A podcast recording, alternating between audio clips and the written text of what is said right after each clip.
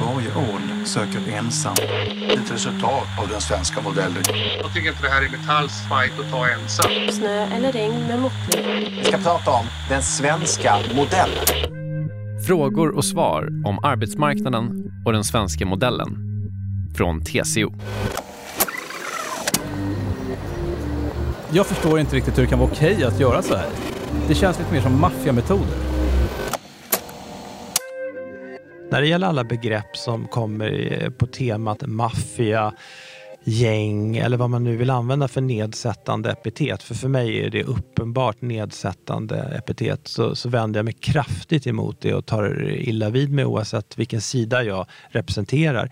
Eh, det vill säga, jag representerar ju näringslivssidan men, men kollegorna på, på, eller man ska kalla dem på den fackliga sidan, vem som nu får det här epitetet kastat på sig. Mm. Det är helt felaktigt. Det är uppenbart. Maffia är alltså kriminella organisationer som mördar och kidnappar och gör väldigt avskyvärda saker. Och liksom, det går inte att använda som begrepp kopplat till det vi sysslar med. Jag heter Mattias Dahl och jag är vice VD med ansvar för arbetsmarknadsfrågor på Svenskt Näringsliv. Sen kan man inom, på ett rimligt och balanserat sätt ha starka uppfattningar kopplat till olika ageranden som sker. Det är inget konstigt. Regelverk behöver alltid ses över och man kan tycka att det där är inte rimligt. Det här är inte tillräckligt vasst. Det här är inte tillräckligt bra. Det leder inte till det här gemensamma målet. Och så blir det en tuff debatt om det.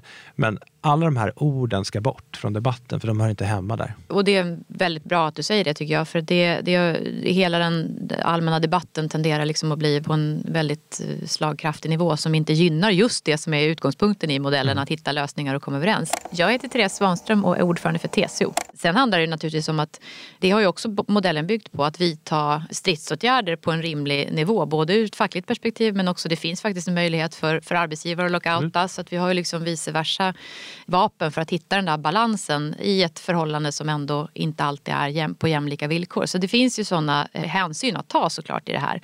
Och det kan man diskutera såklart. Eh, jag tycker ju att om man tittar på resultatet ur ett svenskt perspektiv, hur få strejkdagar vi har haft, hur eh, det är senast 28 år sedan Toys R Us tror jag som vi hade en riktigt, riktigt liksom rejäl sån konflikt så skulle jag säga att vi har hanterat detta med varsamhet under en lång tid. Eh, det som har varit de eh, mekanismer i form av strejk eller lockout som vi har haft eh, varsamt i det här landet. Så jag tycker att den diskussionen blir kraftigt överdriven när man eh, pratar om maffiametoder och annat. Ja, alldeles oavsett hur många strejkdagar vi skulle ha, för vi har väldigt få, så menar jag att begreppet maffia inte hör hemma i debatten överhuvudtaget. Däremot är det så att eh, även om strejkrätten och lockouträtten, stridsrätten, eh, den är ju väldigt känslig. Den är otroligt viktig. Vi kan inte ha en fungerande arbetsmarknadsmodell där parterna har stort ansvar utan eh, den typen av rättigheter. Eh, så är det ju per definition känsligt. Det tror jag alla eller ganska snabbt kan ta till sig. För vad säger vi? Ja, A och B ska komma överens och gör inte det. Den ena säger frivilligt nej och då har den andra rätt att skada den andra för att i syfte att tvinga den att gå med på något den inte vill. Alltså det är ju det vi pratar om. Det är ju väldigt provocerande som begrepp och företeelse för i allt annat i ett civilt samhälle så är det helt uteslutet. Mm. Så får man inte göra. På arbetsmarknaden har vi det av goda skäl.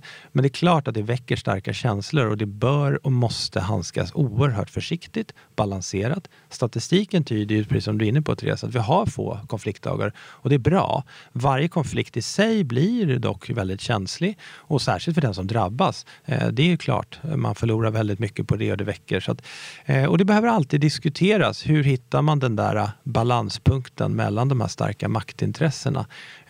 I dagens kontext så ser vi en konflikt som är jobbig för oss på näringslivssidan eftersom våra medlemmar som vill ha kollektivavtal, som har tecknat kollektivavtal, som står upp för det och som varje avtalsrörelse gör från deras perspektiv eftergifter också får saker, drabbas av en konflikt som de rimligtvis då liksom inte har någonting med att göra, som ingen ens påstår att de har något med att göra och som absolut de inte kan påverka. De kan inte be den andra personen att göra någonting. Så att det är ju helt rimligt att de känner och vi känner att det är inte det är inte ett balanserat och bra sätt för dem. Å andra sidan, från ett fackligt perspektiv, ja men vi måste få fram ett avtal, vi behöver använda stridsrätten. Det är också ett rimligt perspektiv. Man måste klara av att ha två tankar i huvudet.